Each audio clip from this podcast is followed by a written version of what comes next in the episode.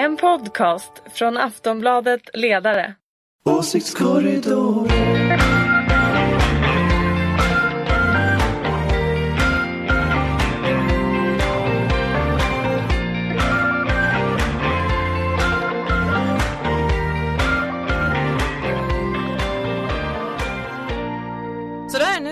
Dags, för då detta enormt begåvade programmet titeln Åsiktskorridoren. Och mitt i en brinnande och het varelse, var, rörelse så ska ett antal briljanta då hjärnor i detta nu avhandla det viktigaste som pågår. Och på min ena sida, eller kanske ska jag mer säga rakt framför mig, så har vi ju legenden och de många metaforernas man som du numera har fått som epitet, nämligen Torbjörn Nilsson från tidningen Fokus.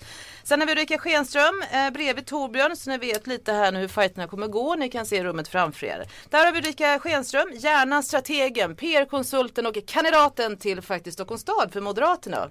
Kanske jo. viktigt att veta om i sammanhanget. Hur går det med valkampanjen? Ja det tar vi sen. Sen har vi ingen mindre än Anders Lindberg, den absolut lysande stjärnan eh, som alltid då tar fighterna utan att eh, tveka och ducka och också ledarskribent på Aftonbladet. Man ser lite sådär eh, stjärnan glimra här på redaktionen varje morgon. Varmt välkomna allihopa! Tack så mycket. Härligt. Hur står det till så här mitt i valrörelsen? Känner ni att ni är laddade för eh, ett litet snack? Ja men absolut. Ja, bra. Då gör vi så här. Vi har tre stora ämnesfrågor för dagen.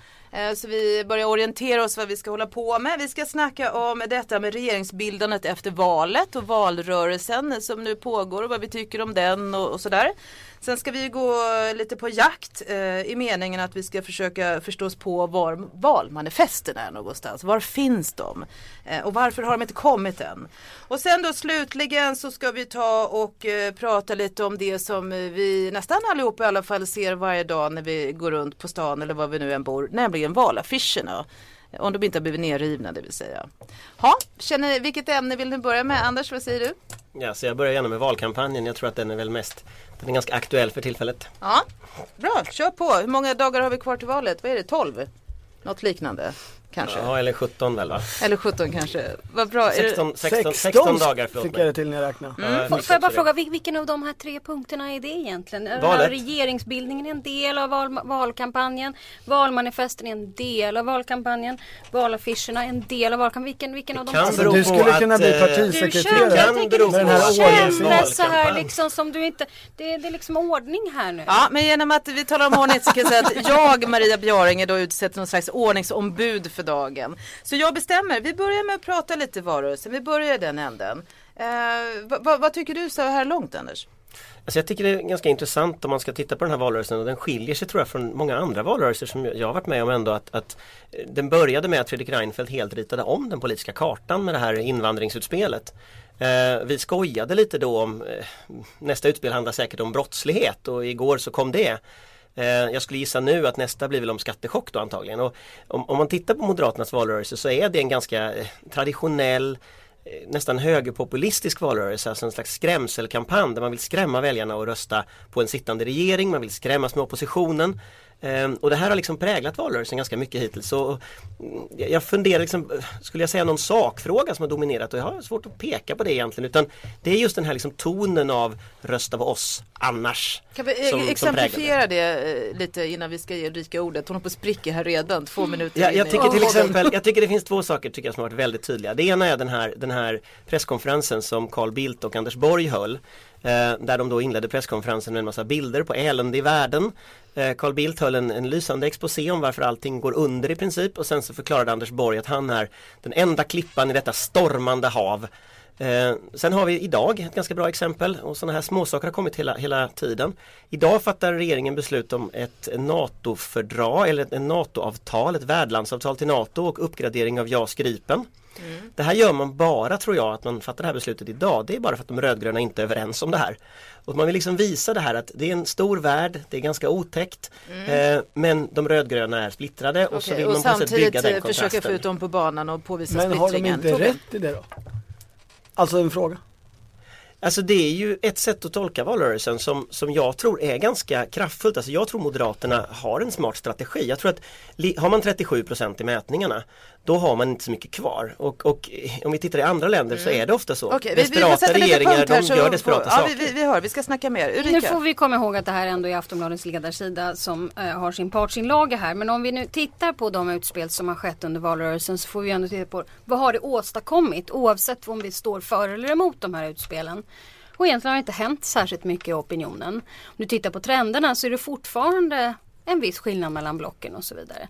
Sen är det ju så här också att jag tror att Socialdemokraterna, vad hade ni själva gjort ifall ni hade suttit i regeringsställning? Jag menar det är väldigt mycket mot i strategi och taktik men svara istället vara emot. Jag menar om du tittar idag så är det verkligen oroligt i världen och det är väl ingenting som man kan överdriva på något sätt utan det är väl snarare, det skulle jag nästan kunna skicka in och så här i efterhand vara socialdemokratisk strateg. Det är öppna dina hjärtan. Om jag hade varit socialdemokrat skulle jag ha svarat vi håller med Fredrik Reinfeldt och då hade ju inte du haft den här diskussionen i svårighetsgrad i den här valrörelsen. Men är det ändå så att, eh, det vet vi väl alla om, att en, sit, en sittande regering vinner en aning på att man målar ut eh, upp orosmoln världen över och att det skapar en trygghet Absolut, mening. men samtidigt så måste du ju också förhålla dig till verkligheten. Det är ju inte så att de hittar, det är inte wag the dog eller det kanske det är, det vet vi inte. Mm. Men, men det är inte wag the dog att det händer saker i vår omvärld. Så att jag tror att man, och även om man då hävdar att det skulle vara taktik och strategi och det kanske, om ni skulle få rätt i det, vad spelar det för roll? Väljarna tror jag fullkomligt struntar Okej, i det. Vi går vidare till Torbjörn, vad säger du om det här? Ja, men- Nu pratar vi lite om Moderaternas strategier och så, men eh, Ja, hur jag ser du tänker på det? som helhet så Ja. tänker jag, och det är kanske lite deprimerande slutsats för liksom partistrateger och även för nyhetschefer på tidningar som vill att det ska hända så mycket. Det är ju att det händer inte så mycket i en valspurt som spelar särskilt stor roll. Vi hade en genomgång nu som man, när man tittar liksom historiskt och på liksom statsvetarrön, de är ju inte alltid rätt i och för sig men det landar ju mest av allt i att man kan inte göra så mycket som partistrateg liksom annat än på möjligtvis marginalen. Och då kan man ju för sig säga att är, är det jämnt så spelar ju marginalen roll. Men om man tittar på de mätningar som har kommit efter det här flyktingkostnadsutspelet, det handlade ju inte om invandrare utan det handlade ju om flyktingar och vad, vad kostnaden för det var. Eh, så, så, se, så är det ju som Ulrika är inne på att det har ju inte hänt egentligen någonting. Nivåerna är ganska mm. liksom eh, stabila, eh, det är rätt mycket som skiljer fortfarande mellan blocken. Eh, och det intressanta tycker jag är på något vis hur liksom det, det, det tycks finnas någon slags vettig tanke i det här men men regeringen har väldigt svårt att utnyttja det som, som liksom är kanske det Mm. Hur- bästa. Vad säger du? Är det svårt att utnyttja det? Nej, alltså man ska komma ihåg att eh, just nu sitter ju, tror jag, faktiskt i alla fall tre av oss fyra personer och bara väntar på X-faktorn i den här valrörelsen. X-faktorn kanske är att det faktiskt inte är en särskilt hög... Men den har redan kommit, men de Nej, kan inte använda Jag är den. inte säker på det alls faktiskt. Jag tror att det är ti- och Om vi ska X-faktorn i förklara för Ukraina. de som lyssnar vad en X-faktor är så är alltså X-faktorn till exempel den här säldiskussionen som var 88 som fick in Miljöpartiet. Vi har dataintrånget 2006 som gjorde att eh, det blev eh, Maud Olofsson som blev vice statsminister och inte Lars Leijonborg. Alltså saker som förändrar i väldigt mycket i slutskedet som inte ligger kvar. Om du tittar på till exempel Krisfrågan valet- i EU-valet var en typisk sån. nu. Ja, absolut och sen 2010 till exempel så hade vi två X-faktorer faktiskt. Eh, och den ena kunde ju ha varit den här sjuka Annika till exempel som eh, Socialdemokraterna verkligen fick, alltså socialförsäkringsfrågan. Sen började det brinna i Grekland och sen blev Grekland det avgörande tror jag. Eh, vi, jag tycker inte att vi har sett det för då hade vi sett det i siffrorna Men Torbjörn, du höll inte med om det. Du, Nej, men- du, vad skulle varit X-faktorn Ja, men mitt menar du resonemang landar väl i att det, liksom, det, det den jagande alliansen kan hoppas på är kanske en yttre faktor. Till exempel som Sovjets invasion av Tjeckoslovakien var. Mm. Tillbaka på Erlanders sista val när det gick jättebra för Socialdemokraterna. De till slut fick över 50% fast det i valet innan hade gått skitdåligt. Men då menar du att det måste vara något som de själva inte kan påverka eller Nej men kontrollera som man kan använda och, och liksom bygga ett statsmannaskap Fast- kring. och det tror- är ju jag- det jag- de har försökt göra med det här flyktingkostnadsutspelet.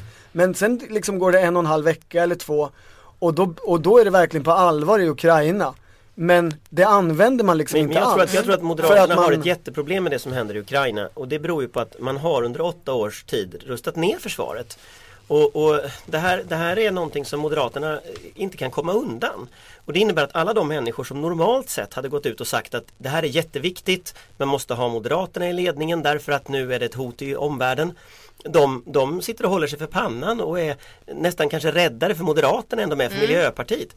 Och, och tittar man på Moderaternas politik på det här området då har man så att säga, då har man så här fullständigt misslyckats med den punkten och det innebär att varje gång du drar en slutsats av Ukraina så får Moderaterna tillbaka den i Okej, ansiktet. vet ni vad som ordningsombud, eh, vi har ju många ämnen. Jag vill prata lite mer om valrörelsen fast kanske ur fler partiers perspektiv och inte bara Moderaterna. Eh, kan vi i någon mening eh, titta lite på, vi har Socialdemokraterna, vi har Miljöpartiet, Sver- ja ni vet alla partierna som vi har. Var, var vill du hugga någonstans där då Torbjörn? Ja, alltså Socialdemokraterna. Jag vet inte vad de går till val på men de kanske kan vinna på det ändå. Nej men alltså det De som går kan till val på vara ett bättre Sverige för alla, det har jag läst på affischerna. Affischerna det, det, var du, det var du som tog upp Socialdemokraterna. Jag tycker inte att eh, vi kanske måste diskutera just Socialdemokraterna även om vi ska ändå titta på att de siffrorna är väldigt, väldigt historiskt eh, svaga. Och det tror jag faktiskt Anders håller med mig om. Det går verkligen inte bra. Men jag tycker nästan det är mer intressant att se hur det går för Sverigedemokraterna. Som jag tror att eh, vi kan alla hålla med om här eh, faktiskt är eh, extremt skickliga i debatter och eh, utfrågningar. Nästan sådär så att man, eh, jag som då moderat känner verkligen, eh, jag är verkligen oroad för hur stora de kommer kunna bli. Eh, och jag tror dessutom att det finns skamsiffror när det gäller dem om man tittar på institutens siffror. Nu ligger de någonstans där 10-11 procent. Jag tror att det finns skamsiffror i den bemärkelsen att när du blir uppringd och frågar vad du ska rösta på så tror jag folk inte svarar Sverigedemokraterna. Och jag tror att det kan bli eh, jag tror det kan bli en liten skräll Vad faktiskt. säger du om det Anders? Vi, Nej det liksom- tror jag är riktigt. I EU-valet såg vi till och med att valen, alltså vallokalsundersökningen hamnade helt fel, väsentligt lägre för Sverigedemokraterna. Så jag tror att det är ett problem. Men sen, sen vill jag nog ändå komma tillbaka till själva liksom valrörelsens dynamik. Därför att vad Moderaterna gjorde i inledningen det var att man lyfte flyktingfrågan och invandringen. Och det är klart att det är ändå mm, Sverigedemokraternas att hemmaplan. de spelade de lite händerna? Jag tror, jag, tror inte var, jag tror inte att det var syftet med det. Men däremot så tror jag att det, det, en av effekterna av att man gör det, det är att Sverigedemokraternas frågor hamnar i centrum.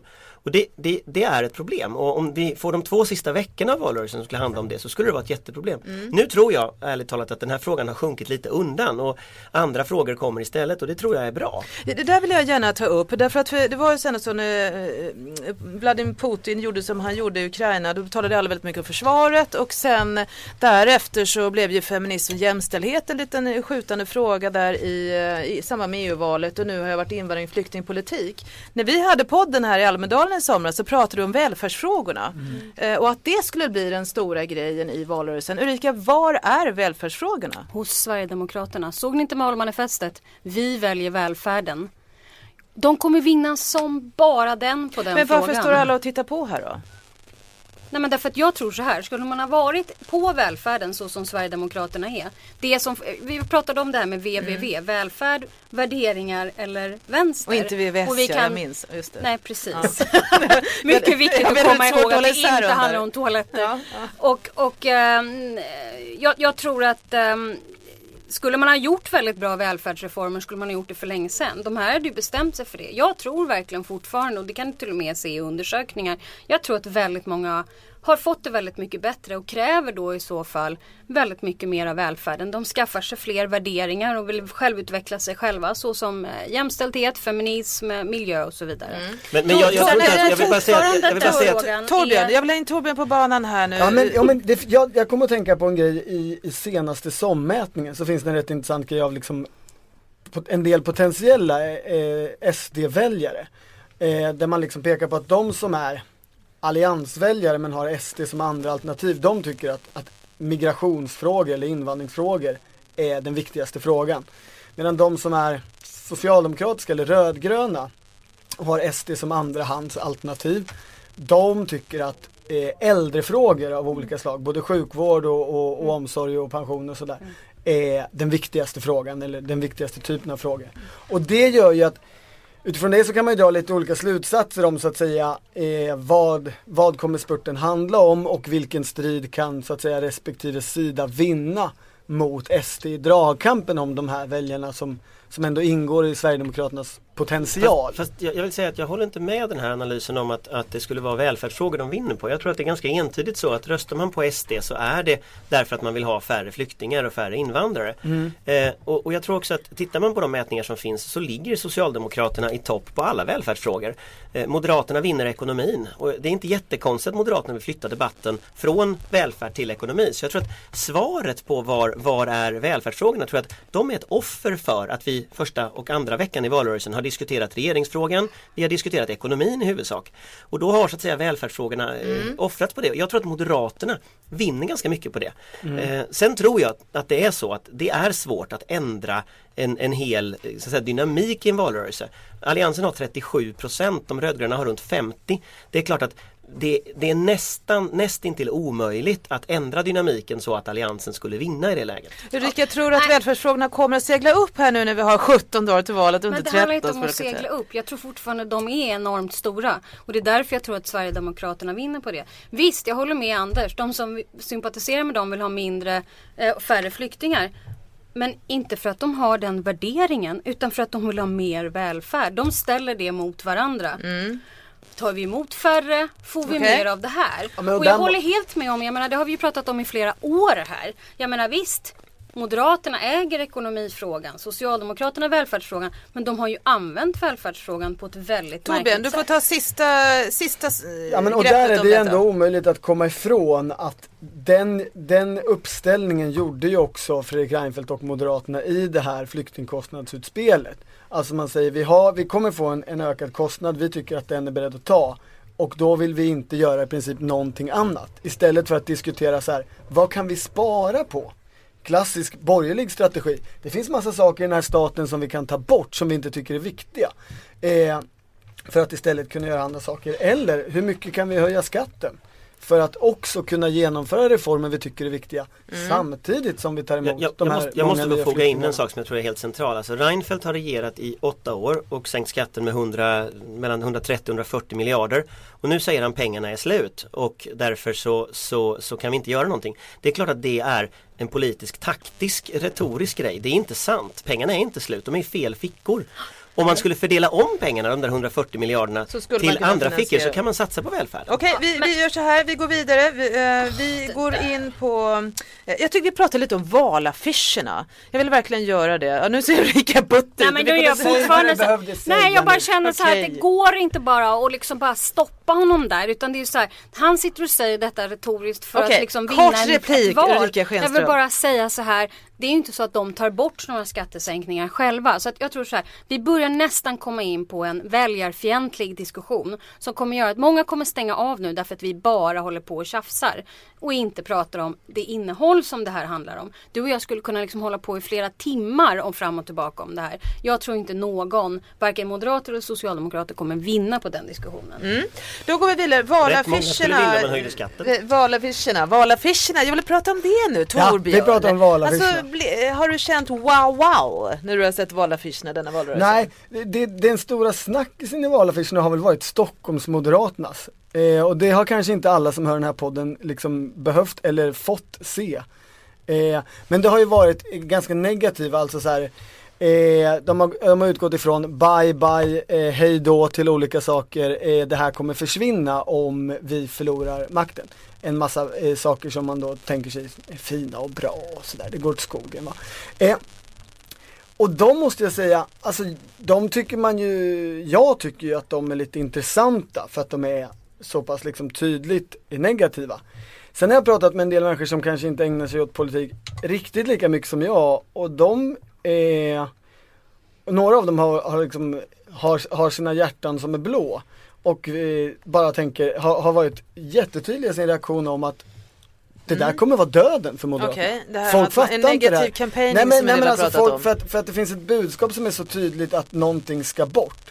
Och eh, de här personerna bara, men folk kommer ju tro att det är Moderaterna som vill ha bort det här. Eh, Ulrika, Kommer- var, de varför, kommer varför detta det grepp helt och t- hållet. tror och tänker du? Detta med att man har det här så kallade negativa kampanjerandet. Att man liksom talar om, inte vad, kanske direkt vad man vill. Implicit gör man ju det. Men ändå. Jag, jag brukar inte förespråka det utan jag brukar faktiskt förespråka att man alltid pratar om sig själv och vad man så själv varför vill har man göra. gjort så här då? Tror Nej, men alltså jag tror att man tyckte att man var lite rolig. Och sen, men sen tror jag det olyckliga är att man inte läser hela kampanjaffischen. Utan man ser liksom själva... Bye bye och Ja. Men det farväl. går Och ju är inte att klart att läsa, då- det är ju finstilt. Alltså själva texten Men är ju alla är finstilt. inte över 40 och Nej, de behöver läsglasögon. bil. De flesta åker bil. Om du åker De förbi flesta borgerliga skylt. väljare åker bil. Ja, om du åker förbi en stor skylt så står det bye bye och sen är undertecknat Moderaterna. Så tror jag inte det budskapet är så här Men vi kan säkert hitta massor med saker att hoppa på fram och tillbaka. Men om vi- men, men Just liksom detta jag, är lite roligt faktiskt för, för det ser ut som att Moderaterna säger farväl eh, Men annars vi pratar, vi- nu har vi åtta år. behöver pratat inte öppna de dörrarna, de var ju redan öppna. Ja, men Vi, alltså, vi, vilken har varit om den bästa om man då? vänder Vilket det. parti har de bästa valaffischerna? Ja, inte har det varit. Socialdemokraternas, för, för det är återigen, det är lite liksom Jag kan knappt ens komma ihåg hur de ser ut och då ser jag ju dem alltså dagligen Nu kan det kanske det är 20 minuter sedan jag såg en, en sån affisch sist Jag vet inte hur den ser ut, jag vet inte vad den ville ge för budskap Och- Jag vet ingenting Och där har jag en tes. Jag tror att de här, nu, nu är vi inte inne på filmerna faktiskt utan nu är vi inne på affischerna. Jag tror ju att det här nästan är en av de sista kampanjerna där affischerna är någonting stort. Att det faktiskt. överhuvudtaget finns. Därför att det är ju bara, alltså, om du går förbi Sergels torg, det spelar ingen roll vilket parti det är. De har satt clownnäsor på varenda person som, som, eh, som kandiderar. Det är helt obegripligt att vilja ha en affisch på sig själv Mm. på Sergels torg. För det är liksom Hitler-mustascher, det är glasögon, det är liksom någon som röker. Men, men, alltså det, det, ja, det, att det har spelat ut sin roll lite. Ja, att det blir, därför att jag tror att man, ska någon kampanja tror jag det är smartare att göra det på, på nätet. Vi, vi går in på det här lite med sociala medier och det talas om virala valfilmer och Löfven, Torbjörn ska få redogöra i detalj om tydligen en ny film om Stefan Löfven och kampanjfilm som kom igår. Men först Anders, detta med sociala medier, att man vinner val i sociala medier. Det har man sagt, vad sa du, tre gånger i tredje Ja, alltså valet det här man är väl det tredje eller fjärde valet Ja, i alla fall men som man säger att så man då? vinner val i sociala medier. Alltså hittills har det ju inte varit så utan hittills så är det ju framförallt slutdebatterna sista veckan som är det som slår igenom. Och jag tror, jag, jag, min gissning är att det kommer att vara ännu mera så. De, de kommer att slå också i sociala medier. Men, men lite är det så att sociala medier måste fyllas av ett innehåll. Och problematiken hittills i valrörelsen det är att det är för lite innehåll för att få fart på det. Och då blir det så att säga moderata kanslitwittrare och socialdemokratiska kanslitwittrare som bråkar med varandra. Hur upphetsande är det då? Ja, för de åtta personerna så är det väldigt upphetsande men för de andra nio miljonerna så, så, så spelar det här rätt liten roll. Och jag tror att, att ska man hitta något, då ska man hitta som det här som, som, som Ulrika sa, det här Annika Holmqvist, den här klamydia-brevet i slutet av valrörelsen där hon berättade om sin mamma, hur hon hade blivit behandlad av Försäkringskassan, som blev en jättestor sak på nätet. Och, och jag tror det krävs någonting i den stilen. Eh, om inte det kommer, då tror jag att det kommer att bli som, som det brukar vara. Att det är slutdebatterna, det är debatten i tidningarna om slutdebatterna, det är opinionsmätningen om slutdebatterna. Det är så att säga där det, det Men det, striden det står. låter ju, känns ju som att vi alla går och längtar mer eller mindre till det här så kallade X-faktor, även då vad det gäller någonting i sociala, sociala medier att Fast prata jag, och skulle, dividera jag, jag tror att X-faktorn är överskattad av, av Mm. ett, ett annat skäl och det är att ganska snart så har valrörelsen nått så långt att det är inte möjligt att nå igenom en X-faktor. För nu kommer de att sitta på redaktionerna och så klurar de på ministerlistor. Ulrika ser Eh, De sitter och hittar på andra käcka saker, man hittar på egna spår och så. Mm. Vilket gör att det blir ganska svårt att bryta igenom det.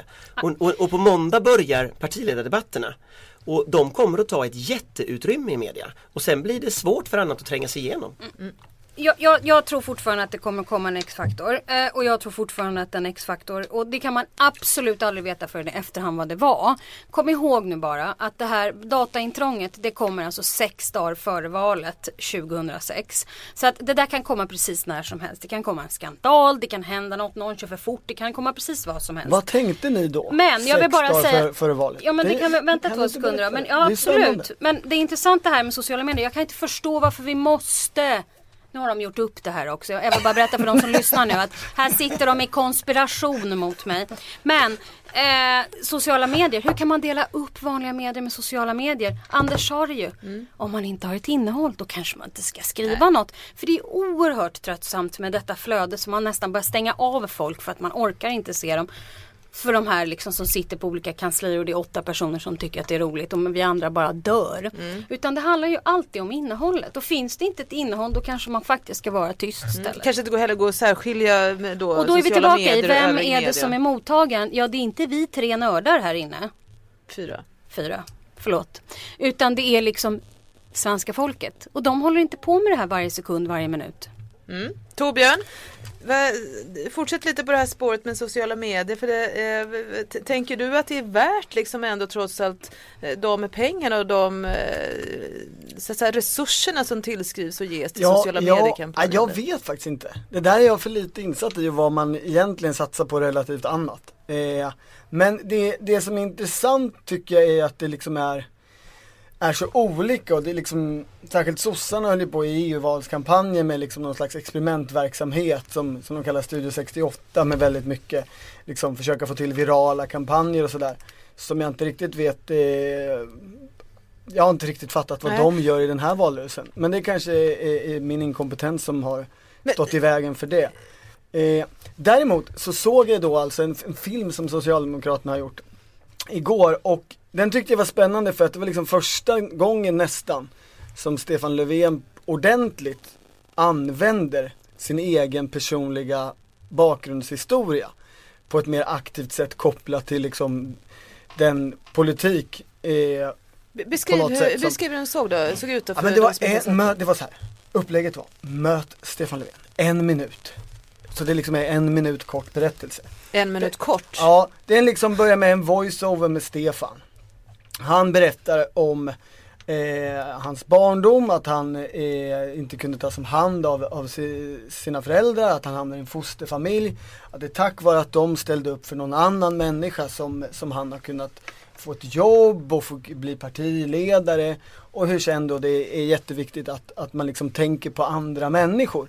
Eh, för att Eh, alla ska få en möjlighet. Och så slutar det med den i och för sig lite obegripliga socialdemokratiska sloganen att alla ska få det bättre. För det tror jag inte så många människor tror på är liksom möjligt. En som teoretisk modell.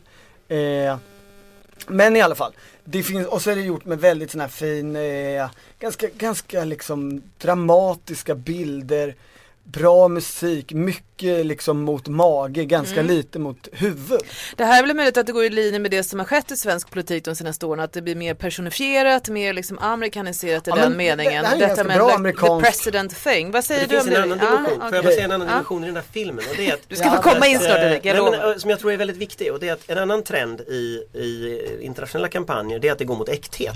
Mm. Alltså det blir viktigare och viktigare att kandidater, personligheter i politiken inte uppfattas som kampanjprodukter så att Nej. säga. Och grejen är att Stefan Löfvens personliga historia, han har inte använt den precis som du säger, men den är egentligen en, hans kanske eh, en oerhört viktig tillgång för honom. För att Mhm. killen är fosterbarn som, Mm. som liksom har kommit till den här positionen av att vara statsministerkandidat. Och det är en rätt unik historia och, och den säger någonting om Sverige som Socialdemokraterna kom också in. vill berätta här så att säga. Ja, nej men alltså det är väl självklart att om man gör en film om sig själv så ska den ju vara sann och eh, ha en känsla av att det är man själv. Det Tror du de ju kommer funka då? absolut allting som handlar om vad man faktiskt är. Och det, vi är ju alla präglade av vår egen barndom och vår egen liksom, eh, bakgrund. Jag brukar alltid säga det, var det själv alla andra är upptagna. Den är väldigt bra den devisen och här verkar han ju vara sig själv och det är jättebra. Men här har ju naturligtvis Socialdemokraterna tänkt till. Och det är ju det att det har jag ju sagt nu i flera år, jag vill bara säga det Torbjörn, flera år.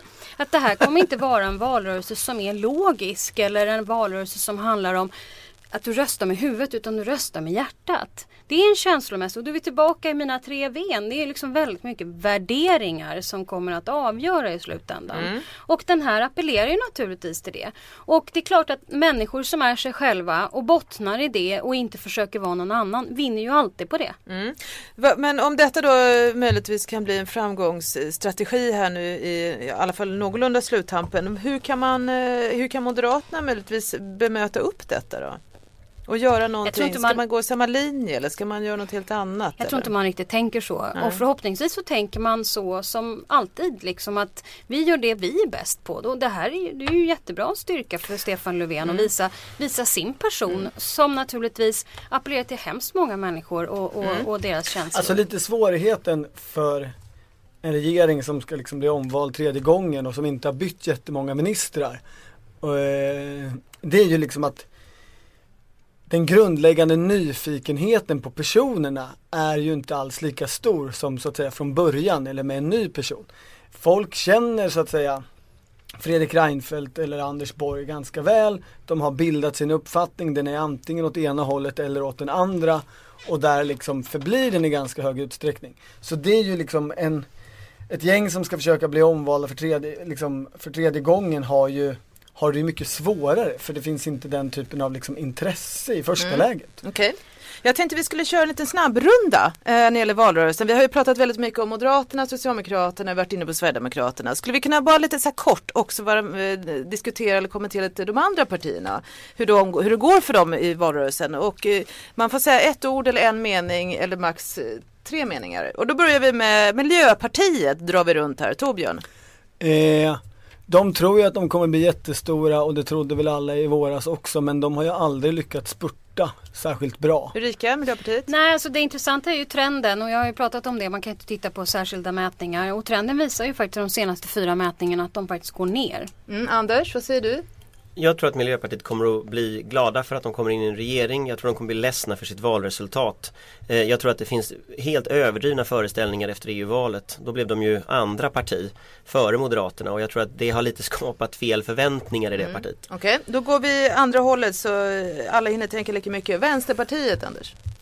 Vänsterpartiet har ju egentligen bara en fråga. Det har ju blivit ett enfrågeparti mot vinster i välfärden. Eh, Jag tror det kan vara ganska smart. De kommer att kunna flytta Socialdemokraterna där.